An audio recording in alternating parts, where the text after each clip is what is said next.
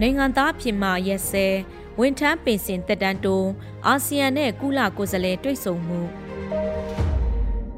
စစ်ကောင်စီကပြည်ပရောက်နေတဲ့ NUG အစိုးရဖွဲ့ကို ထောက်ခံအားပေးနေသူ CDM လုတ်ခဲ့သူတန်အမတ်တွေနဲ့လွတ်မြောက်နယ်မြေတွေမှာတဆင့်ပြည်ပရောက်နေတဲ့အမှုပညာရှင်တွေကိုနိုင်ငံသားအဖြစ်မှရက်စဲကြောင်းတတိယတုပ်ဖြင့်ကြေညာလိုက်ပြန်ပါတယ်။ဒီမတိုင်ခင်နှစ်ကြိမ်ကြေညာထားခဲ့ပူပြီး NUG အစိုးရဖွဲ့ဝင် CRPH ကော်မတီဝင်နဲ့ NLD ထောက်ခံလှုပ်ဆော်သူတွေထဲကလူသိများထင်ရှားသူတွေပြည်ပနဲ့လွတ်မြောက်နေမြေရောက်သူ16ဦးကိုကြေညာခဲ့တာဖြစ်ပြီးအခုတစ်ကြိမ်မှာလဲ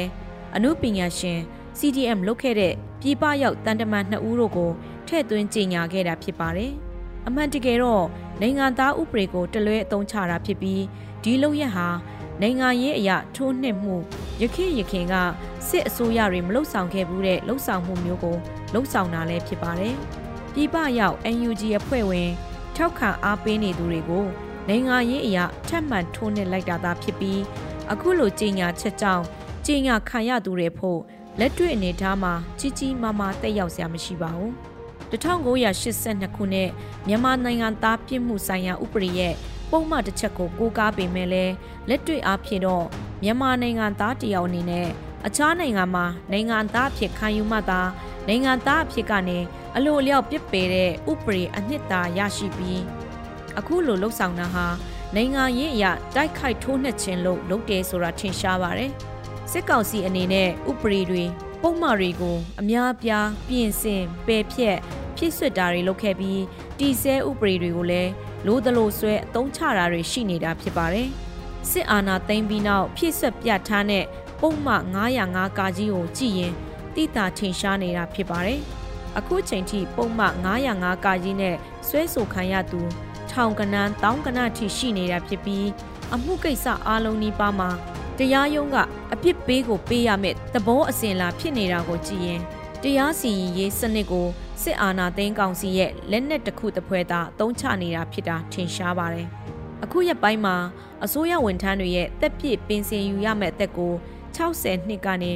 62နှစ်အဖြစ်တက်တန်းတိုးတဲ့အမိန့်ထုတ်ပြန်လိုက်ပါတယ်။ဒီလိုလှုပ်ဆောင်တာဟာ CDM ကြောင့်ဝန်ထမ်းအင်အားမလောက်ငှတာကိုဖြည့်ရှင်းမဲ့နီလန်းတစ်ခုဖြစ်လှုပ်ဆောင်တာလို့လွယ်လွယ်ကောက်ချက်ချနိုင်ပါတယ်။ကျမ်းမာရေးပညာရေးနဲ့အုပ်ချုပ်ရေးနယ်ပယ်ကအစိုးရဝန်ထမ်းတွေထဲမှာ CDM လုပ်သူတွေကိုဆက်လက်တာဝန်ပေးနိုင်အောင်တက်ပြည့်ပင်စင်ယူမဲ့နှစ်ကိုနှစ်နှစ်တိုးလိုက်တာမို့အရေးအတွက်တစ်ခုအပြင်ဝန်ထမ်းအင်အားရရှိသွားမဲ့သဘောလည်းဖြစ်ပါတယ်။စစ်ကောင်စီအနေနဲ့စေးနဲ့သွားတက်ကတူဝင်ခွင်းအမှတ်တွေကိုဖြေလျှော့တာအခုလိုဝန်ထမ်းတွေရဲ့တက်ပြည့်ပင်စင်တက်တန်းကိုတိုးမြင့်တာတွေလှုပ်ဆောင်နေရတာဟာနိုင်ငံရေးအရာဆုံးရှုံးမှုတွေတစ်ခုပြီးတစ်ခုရင်ဆိုင်နေရတဲ့သဘောဆောင်တာဖြစ်ပါတယ်။ ပုံမှန်အားဖြင့်လှုပ်ဆောင်စရာမလိုတဲ့လှုပ်ဆောင်မှုတွေကိုအကျက်ဒီးဆိုင်လို့လှုပ်ဆောင်နေရတဲ့အနေအထားလို့အကဲဖြတ်နိုင်ပါတယ်။တစ်ဖက်မှာလည်းဒီအခြေအနေကြောင့်စစ်ကောင်စီအာဏာထိန်ချုပ်မှုကသူ့အလိုလိုပြိုလဲသွားမယ်လို့တော့စိတ်ကူးမရင်သင့်ပါဘူး။စစ်အာဏာရှင်စနစ်စန့်ကျင်ရေးတိုက်ဖြတ်ရေးဟာမှန်ကန်တဲ့ဥဆောင်မှုတနည်းအားဖြင့်မှန်ကန်တဲ့တင်င်ကဗျူဟာနဲ့မူဝါဒလှုပ်ဆောင်မှုရှိမှအောင်မြင်မှာဖြစ်ပါတယ်။ ဒီအချက်ကိုလည်းသတိမပြတ်ဖို့လိုအပ်တယ်လို့မြင်ပါတယ်။ဒီနေ့ဖို့အခြားသတင်းတပုံမှာတော့ကုလသမဂ္ဂရဲ့အထူးကိုယ်စားလှယ်နိုလေးဟေဇာကမကြခင်က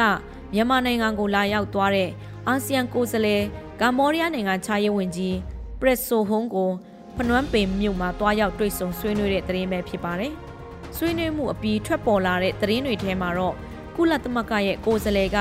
မြန်မာအရေးမှာတက်ဆိုင်သူအားလုံးရဲ့အတန်ကိုနားထောင်ဖို့လိုတယ်လို့အလေးပေးပြောဆိုပြီးအာဆီယံကိုယ်စားလှယ်ကတော့မြန်မာနိုင်ငံလာရောက်စဉ်ဆွေးနွေးသိရှိရတဲ့အခြေအနေက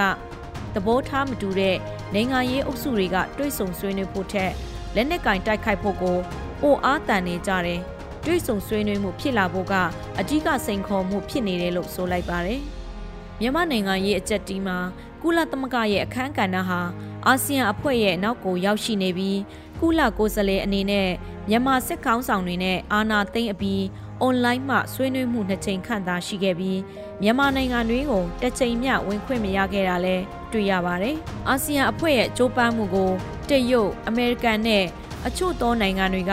ဝိုင်းဝန်းထောက်ခံကြောင်းပြသခဲ့ပေမဲ့လည်းအာဆီယံအနေနဲ့လည်းမြန်မာနိုင်ငံရေးအကြက်တီးကိုဩဇာရှိပုံမရတာလက်တွေ့ပကတိအခြေအနေလို့ဆိုရပါမယ်